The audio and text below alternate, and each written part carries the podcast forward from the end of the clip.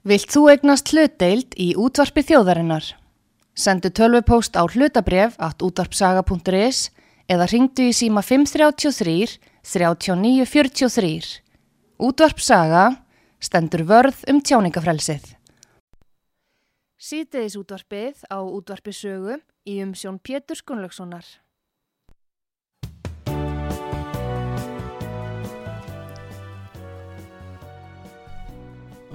Góðir uh, hlustendur, þið er að hlusta á útvarpsögu, ég heiti Pétur Gunnlaugsson og gestur minn í, í þessum þætti er Viljámur Birgisson, formaður verkalýsfélags Akranes. Sæl og blessaður, Viljámur. Já, kontur blessaður, Pétur, kontur blessaður. Nú kannski ég vil ræða fyrst við þig um grænar fjárfestingar lífeyrissjóðana. Því hefur verið líst yfir meðal annars af hálfu uh, fórsýstisráðura á ellendu vettvangi að lífeyrissjóðunir á Íslandi, vantarlega alberlu lífeyrissjóðunir, uh, munu fjárfesta 580 miljardar í grænar fjárfestingar. Hvað segir þú um þessa tillögu, Viljámur? Já, ég, maður þarf eiginlega svona að reyna að átta sig betur á því hvað þau eru í raun og vera að meina með þessu 580 miljardar á næstu nýju árum eins og hefur verið gefið út í. Þetta sé einir 13 íslenski lífyrirsjóður sem að er að taka fast í þessu. Já. Ég held að þurfum við bara að fá nánar upplýsingar hvað, hvaða fjárfestingar þeir hafa í hyggju að, að fjárfesta í sem að lítur að, að grænum fjárfestingum. Ég hins vegar er alveg sammála því að fjárfestingar sem að lúta því að taka þátt í því að auka hér orkuöflun og, og, og búa til búa hér til frekari græn störf grænar laustir sem að lúta því að auka hér atvinnutækifæri okkar fólks og skapa hér frekari útlutningstekjur. Ég, ég gerir svo sem engar alvarlegar aðtúðasendri við það ef að þessar fjárfestingar verða með skynsalögum hætti. En við skulum alveg átt okkur að lífeyrisjóðskerfið okkar ennum bara þannig í dag að þetta eru hvað 6.400 miljardar sem að lífeyrisjóðunir eiga.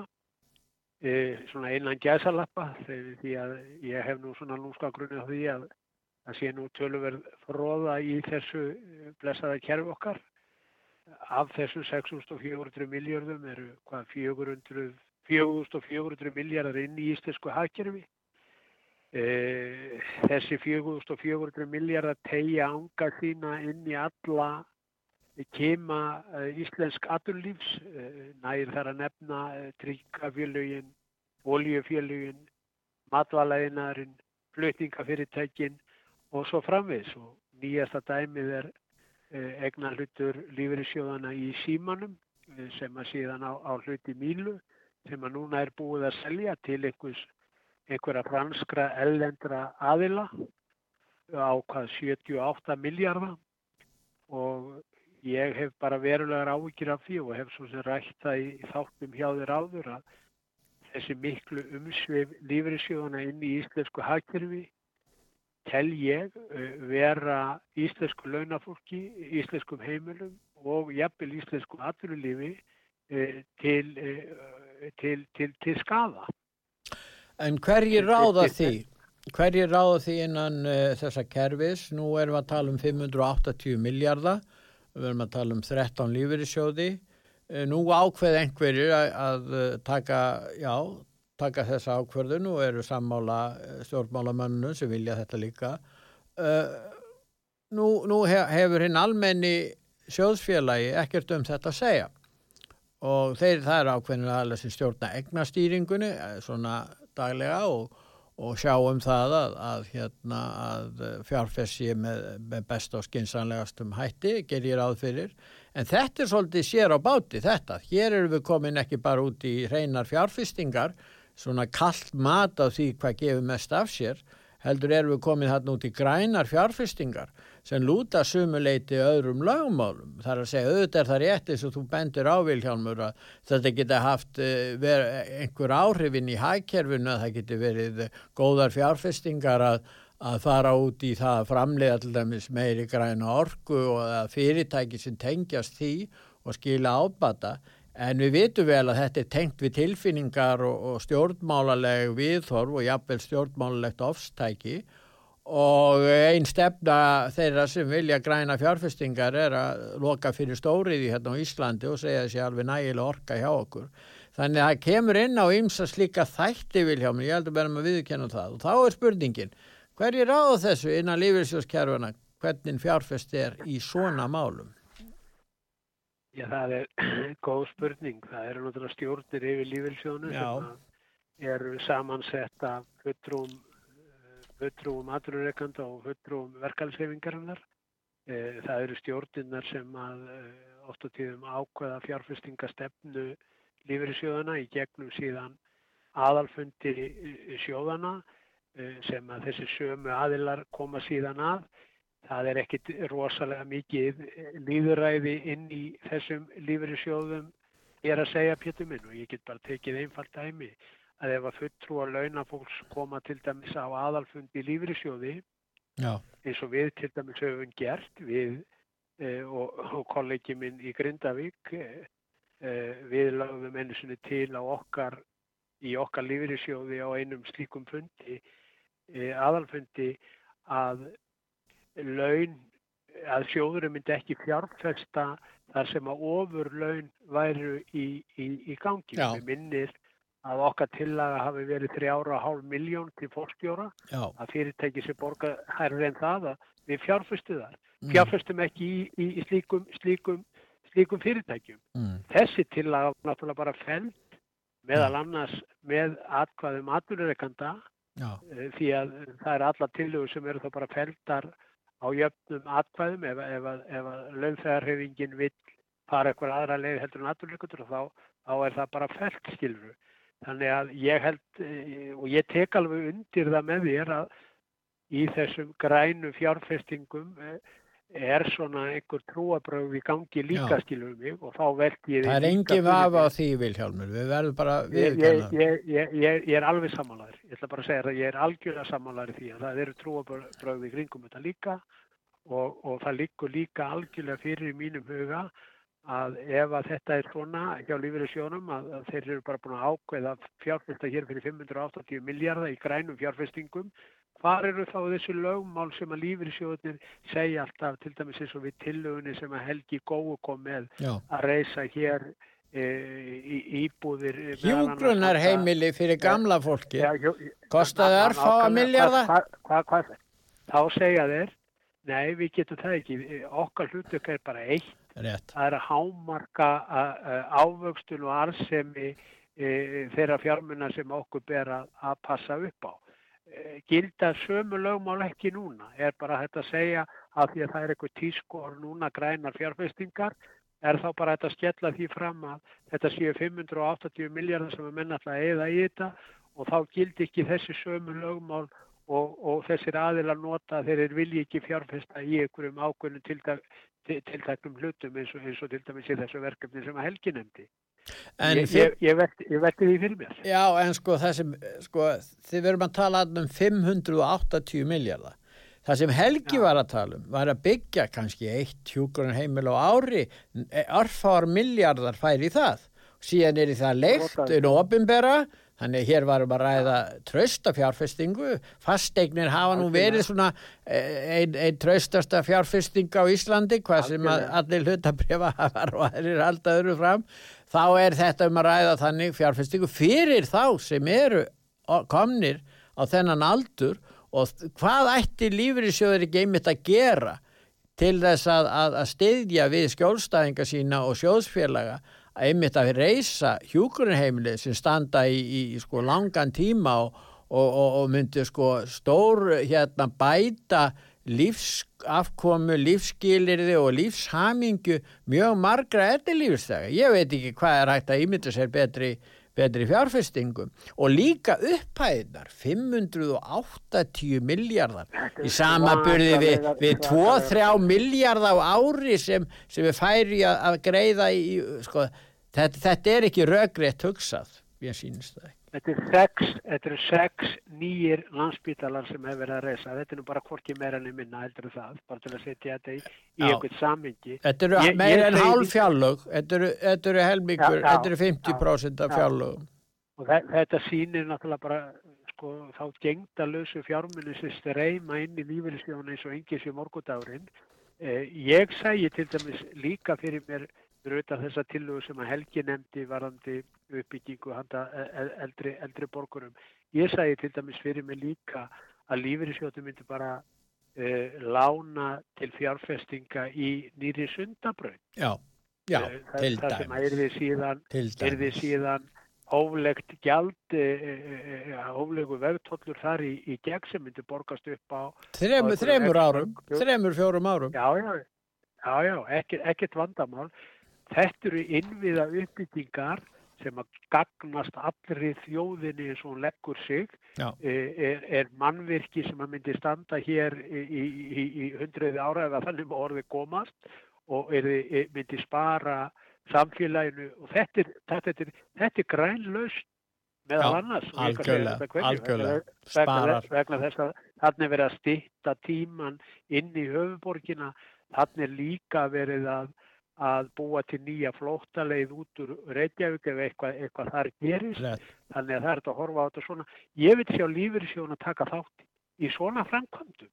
Fjár, hvalferðagöngin, er það ekki besta fjárfesting í Íslandsugun? besta, fjár, besta fjárfesting í Íslandssögunni uh, sem að uh, hérna hefur ekki bara stitt leiðina gríðarlega heldur að öllum líkindum hefur sparað gríðarlega mörg Já, mannstjófi vegna rétt, þess að, já. að það var nánast að hverju einasta ári einhvers konar alvarlegt umfyrðaslis og oft á tíðum banaslis í kvalverðinum vegna þess að hann er hlýttjóttur og, og, og, og hættulegur vegur sérstaklega á, á, á veturnar. En þarna það, það, það hefur einungis eitt banaslýs orðið í kvalfyrragöngum og það var vegla mannlegra mistaka þar sem að aðili fóru yfir á rángan, uh, rángan vegarhelming. En það er eitt slýs frá, frá 11. júli 1998 já, eitt banaslýs í kvalfyrragöngum já, en það var nánast eitt banaslýs á hverju einasta ári í kvalfyrðinum meðan að göngin voru ekki. Þannig að þið getið ímyndað ykkur sparnaði bæði út frá, út frá, út frá hérna, út frá hérna skal ég þér segja hérna, hérna lofslagsmálunum ef menn vilja nota það því að það er miklu lengri leið fyrir fjörðin og svo, svo náttúrulega bara þessi, þessi, þessi sparnaður varðandi mannslíf og annað slíkt. En fyrst við erum að tala um lífyrirsjóðana, hvað segir um þessa ákvörðun lífyrirsjóðs Veslunumanna að uh, um viðbóta lífeyri núna í nóbyrmánuði til sjóðsfélag? Hvað segir um það? Já, það ég get útskýrt það bara í stöttumáli þá er það bara þannig að ef að tryggingafræðileg staða sjóðsins er jákvæð upp á vissi e, prósentutölu Já, þá er það bara í lögum að þá ber lífyrirsjóðnum að hækka yðgjöldin Já hafa er og gert það er það? það sem Já, já, þeir, þeir, þeir, þeir urðu að gera það, þeir komust ekki hjá því. Eftir. Það er verið að kynna fyrir okkur e, launafólki núna að það á að fara að skerða réttindin umtalsvert mjög fljótlega í öllum sjóðum. Og ástæðan er svo að, að ekki ofinberu sjóðunum. Já, ég held að þeir muni heyra undir það en, en þetta eftir þeir eru með launagreðanda ábyrð þannig að, að, að það skiptir engum máli þá það bara ríkja sveitafélag að bæta það upp. En, en, en þetta verður kynnt núna mjög fljótlega ef að þetta verður, verður, verður, verður samvitt og þetta er vegna þess að lífaldur þjóðarinn er að hækka svo mikið og þeir segja að ekki muni geta stað- staðið undir framtíða skuldbyttingum sögum hækkandi lífaldur. Nú, uh, það sem hefur verið að gerast á síðustu vikum er að stjórnmálamenn á Íslandi hafi verið svona flandri og flakkað í, um í útlöndum og verið á alþjóða ráðstefnum.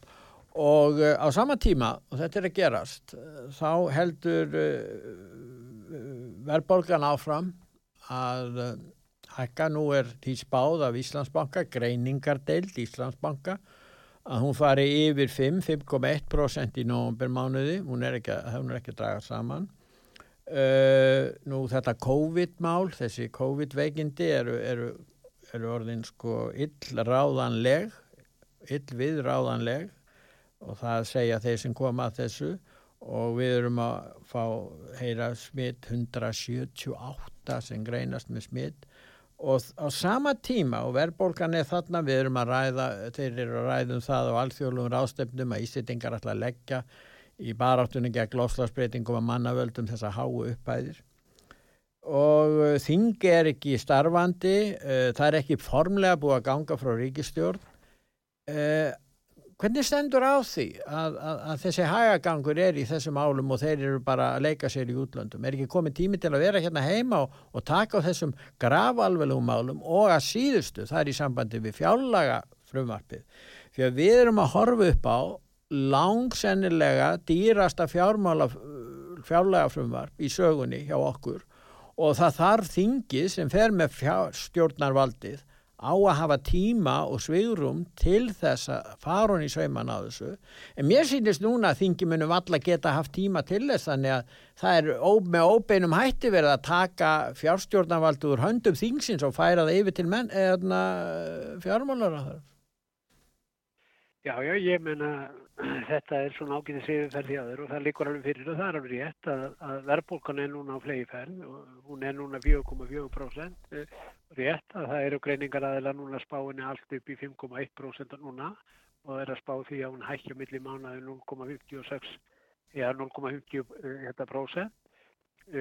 Það líkur fyrir að ástandið út í heimi þessar, þessar, þessar innflutu, innfl, þessi innfluta verðbólka sem við erum, er, þurfum að þóla núna vegna hækkunar á, á, á afurðum erlendis frá, flutnískostnaði og, og, og svo framvegs.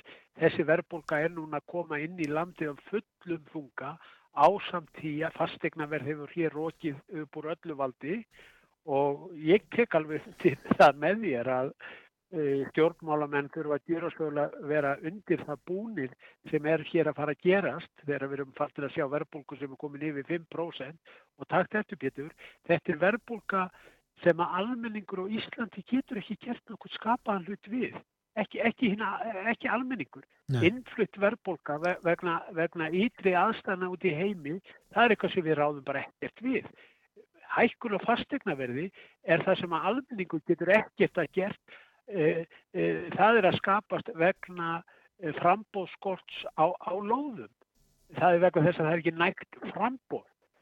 Þannig að, að verbulgun, verbulgan er ekki fólkin að kenna en takk til því það er fólki sem verður fyrir barðin á því yllilega.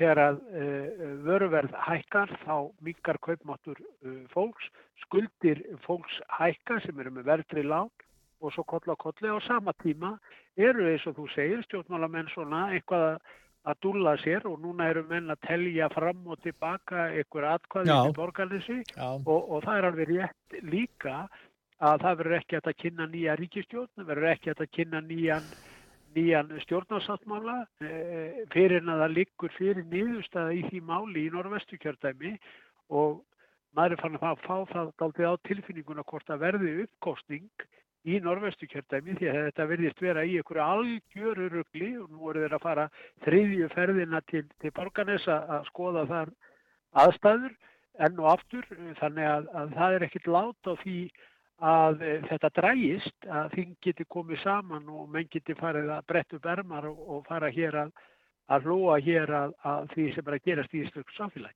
En það e, gengur ekki af halvu stjórnmálamanna að vísa í Sælabankun að segja Sælabankin ber ábyrð á því að við fáum ekki hér mikla verðbólgu. Vegna þess að það er eitt uh, hagstjórnartæki sem að stjórnmálmennir hafa og það er auðvitað fjárlögin. Og uh, afgreysla fjárlagana er mikilvægasta afgreysla í þinginu á hverju kjörtímabili. Og, og, og það verður auðvitað að, að taka á því en við sjáum það greinilega hérna Vilhjálmur að eh, með þessum drætti sem er tilbúin af þeirra hálfu, ég meina eh, ef við sjáum þetta núna, það kann að vera að það verði bara örfáir dagar í desember þar sem umræðanum fjárlag fara fram og uh, þá er líka spurningin með það uh, hvernig allar ríkistjórnin veit hún hvernig hún getur beitt fjárlögunum? Þarf ekki jafnvel að breyta fjárlögunum vegna þessar velbólkur sem er nú þegar er komin um 5% og á eftir að aukast eins og þú segir vegna fluttingskostnaðar ellendis vegna hækkandi verðs á ráefnum og öðru slíku. Þannig að, að mér finnst eins og þeir syndi hérna uh, hérna sofandi að fegða rósi í, í þessum, uh, þessum máli. Og, og það heyrist ekkert frá stjórnaranstöð eða, eða vantarleiri stjórnaranstöð, það heyrist ekkert í í, í, í ríkistjórnum þessa mál, þeir eru að fara á einhverja ráðstefnur, það verður að fjalla um, um hvern leiðtoga, hvort að konu séu góða leiðtogar og okkur, okkur sé ekki sama hér á Íslandi, hvort að séu karlar eða konur í ennbættum, það er að skipta, skiptir mál að ná árangur ekki rétt? Og, og manni finnst einhvern veginn, Vilhelmur, ríkja uh, uh, mjög alvarlegt kæruleysi hjá stjórnbólastjettinni þegar við stöndum frammi fyrir þessu.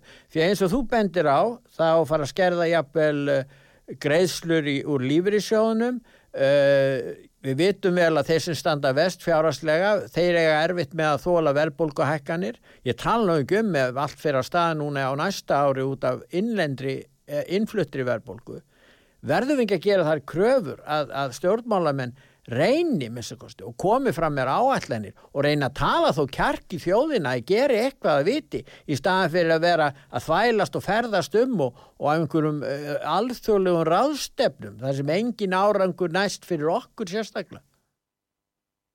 Jújú, jú, ég bara ítrekka það sem ég sagði að, að ég tel að menn þurfa að gera svolítið að fara að steytast niður og brettu bermar og búa sig undir þessi þessi áföll sem að ég tel vera núna hinnum megin við hotnið í, í, í formi þess sem að ég fór yfir áðan því að ég veit og hef séð og hef upplýsingar um að uh, matarverð er að hækka gríðarlega vegna þessara ytri aðstæðana sem er að gera stellendis frá og hefur verið í fréttum núna undanförnum eins og varandi flutniskostnaðin matvara er að hækka þetta frá 3 og upp í 30, 40, 50% í sumum, sumum tilfellum Þannig að það er alveg ljóst að, að, að, eh, að verðbólgan fer á meira flug sem að menn eru greinlega átt að segja á núna.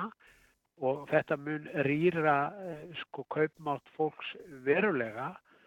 Og menn verða bara að gera svo vel að, að fara að átta sig á þessari stöðu og hvernig ætla menn að bregðast viðinni en, en mér þýnist menn hallar þetta aldrei hessilega aftur í sætunum að þannig morði komast eftir þessar þessar alþingiskostningar, þá eru mennarnir treyðir hérna í fjögur ár og, og en vissulega er þessi nefnd sem ég nefndi áðan, hjörbreyfa eh, nefndin búin að funda upp á hvern einasta dag og menn eru svolítið að reyna að flýta sér að, að uh, fá niðurstuði það mál. Þannig að menn geti farið að kalla þing saman og fara, fara að hefja, hefja einhverja vinnu uh, og síðan er náttúrulega líka Pétur sko ekkert búið að sjá fyrir endan á þessu COVID ástandi við þekkjum það nú vel hér Já. á Akranissi þar sem að hér skall bara á á einni nóttu sko því lík e, bylgja smita e, að fólk ég, ég ætla bara að segja það alveg svo er að það greip um sig bara umtalsvið skjelving á meðal bæjarbúa því að eftir eitt karvti kvöld hér að þá e, kom hér bylgja sem að eh, var þess valdandi að það eru 132 í okkar samfélagi sem eru núna í einangru vegna COVID-smitta sem betur fyrr að bröðust bæjarefjöld mjög skinsamlega og vel við e, þessum smittum en því að loka hér skólum, leggskólum og, og, og, og samfélagi nánast lamaðist hér í síðustu viku En, en í, í gær var einungis eitt smitt hjá okkur þannig að það virðist verið og við séum að komast í, í veg fyrir þetta í, í bíli allavega. En á landsvísu er, er staðist í dagurinn í dag 178 smitt og hvaða áhrif mun þetta hafa uh, ef þetta blossar upp aftur úti erlendis hvaða áhrif mun það hafa á hagkerfið skilum og hvernig alla menna koma sama fjárlögum þegar menn viti ekki nákvæmlega hvernig þetta verður, hversu mikið að ferðamönnum uh, muni geta komið til landsins og, og, og svo framvegð. Þannig að óvissan er óbóstlega mikil þegar maður heldur ofta tíðum að við séum að komast út úr þessu ástandi að það sé, maður sjáu ljósi fyrir enda ganglana þá gerist það bara nánast á, á einu degi að, að, að, að það slöknar á, á ljósinu sem að maður e, telur sig verið að sjá við, við enda ganglana þannig að þetta eru bara mjög svona krítiskir tímar framöndan og það er mikilvægt að þing fara að koma saman og menn fara að vinna vinnuna sína. Já, en til þess að hægt sé að taka á verðbólgunni, þá er eins og ég sæði áðan, það er ekki hægt að bara treysta Sælabankan. Sælabankastjórar eins og Már Guðmusson á sínu tíma og Ásker Jónsson, gaggrindur ríkistjórnina fyrir kærleysi í stjórn fjármála í, í sambandi við fjárlögin og útgjöld ja, ríkisins. ja. og ekki út frá neinum nýfrjálsíkju ofstæki neinu slíku. Heldur vegna þess að, að, að, að þetta var, var bráðnöðsulegt fyrir launamenn í landinu að stöðuleiki ríkja þessu leiti og nú er verið á þarf að afgreða þessi fjárlög sem er eins og ég segi þar sem eru mestu útgjöld sennilega í sögu Íslandsögunar í varðandi fjárlögin og, og þá skiptir verulega máli að menn vinni að því markvist og noti þann tíma fram til 31. desember þegar verður að vera búið að afgreða fjárlögin og fara ofan í þetta og ná samkomlagi þá við vantarlega stjórnaranstöðu um það hvað hægt er að gera í þessu fjárlögum, skera niður alla fytu, sjá til þess að, að þeir sem þurfa eins og heilbreyðskerfið að það sé reynd að verja það og, og, og hérna eldri borgara og öryrkja. Þannig að hægt verði að búa við þetta. Í stað þess er eins og að uh, þeir séu búin að ákveða þetta bara í fjármálaræðundinu og síðan er ég bara að keira þetta mál í gegn. Og, og mér finnst þetta vegna verðbólkunar skipta svo miklu máli, hvaða skoðan hefur á þessu? Ég tek undir þetta með þér og það er alveg réttið að ekki gaf út uh, varnar ára til stjórnvalda að ef að, ef að menn myndi ekki uh, sína aðgæðslu í ríkisfjármálum uh, þá myndi það leiða til vaksta hækkana. Já. Þetta hefur maður aldrei heilt Sæðlabankan segja áður fyrir kostningar skiluru en hann var bara að senda út skýr skilabóðu um það það er ekkert að blása báknið út endalust og ég ætla alveg að vera bara reynskilni með það að mér finnst bæði ríki og sveitafélög ofta tíðum og, bara sérilega í kannski sveitafélagin ofta tíðum sem að mér finnst haga sér afskaplega uh, svona skrautlega að þannig má orðið komast í, í sínum, sínum fjárútlátum í hvernig kerfið uh, þenur sig út. Og það er svo mikilvægt að fólk átti sig á því að það eru skattgreðundur þetta eru fjármunni skattgreðundar sem er verið að vela með og uh, skattgreðendur og launafólk finnst mér ekki sína þessum öflum nægilegt aðhald ef að þannig má orðið koma. Og sveita fyrir en hækka þjónustugöldi hjá sér til að standa Algjörlega. undir auknum útgöldum og það er sérstaklega slangt auðvitað þegar þeir auka útgöld sín svona en þegar að verðbólkutímar eru þá er það ábyrðalust. Það er ábyrðalust að skera það stóra auka útgöldin og síðan að auka því að þeir ganga alltaf fyrstir þeir ganga á undan með slæmu fordæmum að hækka hér þjónustugjöld, hækka hér ímis fastgjöld sem að sveitafélagin innheimta hvort sem það er í sundlaugum fastegnagjöld eða eða ímis önnur þjónusta og það gerir hefur opibera líka. Og, og sem allt þetta fer inn í vísutöluna og þá komum við að verðtröðulánunum og þau er í fullum gangi núna.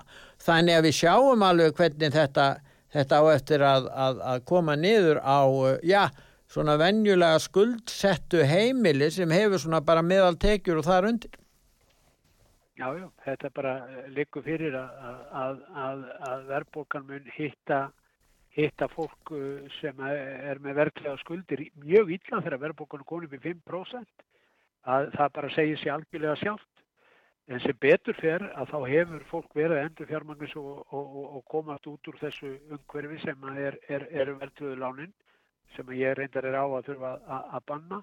Ég er líka á því Pétur að það þurfa að taka til í efri lögum hjá ríki og sveitafélum. Ég held að, að báknið í kringum stjórnunda, stjórnunda hérna hópin innan ríki og sveitafélagi sem er búin að sko blása svo óbúslega út.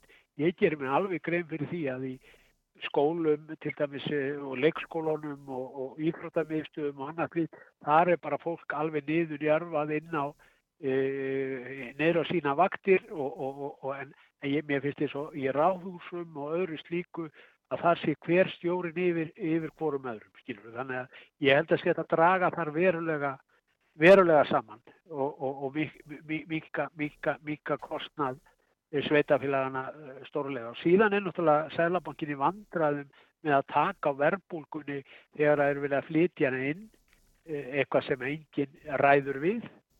Vissulega getur hann tekið á varðandi, varðandi hækkun og fastegnaverði, meðal annars með bindiskildu og, og, og öðru slíku. En, en eh, taka, taka fastegna verið út úr vísutölunni bara hreinlega ganga algjörlega taka, það er langt hreinast að gera það ja, í staðan fyrir að vera að hafa áhrif á markaðinu öðru leiti ég held að það sé miklu skynsalega að gera það. átt að vera löngu búið af því og tengja hann að frekar við leiguverð heldur um fastegna það, það bara segja sér sjálf en, en, en Sælabankin er ekki öfisverði stöðu þessa dagana þegar, þegar óvissan er þetta mikil og Og hvað mun gerast núna ef þessi spá raungerist að, að verðbólgan hækkar e, upp í 5,1%? Hvað mun Selabanki gera? Mun að gripa til stýrifasta hækkana upp á 0,25 eða 0,50 búta? Uh, ég myndi að tellja það bara, um, bara tölverða líkur af því Já þá hækka verðbólgan enn meir vegna þess að það hefur verið dýrara fyrir atvinnureksturinn að, að reka fyrirtækin sín. Þetta hittur um naglan og öfið Íslensk, Íslensk fyrirtæki skulda 8.000 miljard 8.000 miljard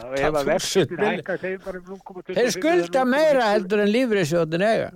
Já, já, já, algjörlega. Já. og þá verða að menna átt af því að þetta þýðir ekkit annað heldur en það að, að, að fjármarskostnaður fyrirtækjana eikst og hvernig eiga þau síðan að geta staðið undir auknum uh, fjármarskostnaði við gera það bara með því að varpa því út í verðlægið það er ekkit annað, þannig að við erum alltaf að elda skottið og skjálfum okkur, tökum annað dæmi. Ef verðbóndan er 5,1% 12 mánuða, Já. þá munir ríki og sveitafélag segja, er, nú þurfum við að hækka gjaldskráðnar hjá okkur Já. sem nefnur hækkun verðbóngunum 5,1% svona erum við að fóðra verðbólkuna mm. dægin út og dægin inn. Nú, uh, Viljáman, ég ætla að ræða við þig eitt í lokin, við förum nú að ljúka þessu, það er eitt atrið, það mætti náttúrulega kannski fjalla svolítið mikið um það, það nú er það þannig að alþjóðavæðingin veikir auðvitað þjóðríkin mörg og mér langar að spyrja þig um það hvort að verkalýsreifingin er að veikjast vegna þess að alþjóðavæðingin er að styrkjast og hefur við heilt um alþjóðlegt eh, verkalýsfélag eða verkalýsreifingu, hvað segir nú það? Ég meina, er þetta ekki eitthvað staða sem er kominu upp að ef, ef þjóðríki hérna fer að veikjast meir og meir, þá náttúrulega er líkur af því að reglur varðandi þessi mál og, og, og möguleikar og réttindir launamanna sem þeir öðlast innan þjóðríkis, þar sem er samstaða innan samfélagsins, að þessi séu, sjálfsögur réttindi að, að, að þessi hópar geti samið uh, um kaup og kjör að, að það hverfi smá saman því að alþjóðlum verð,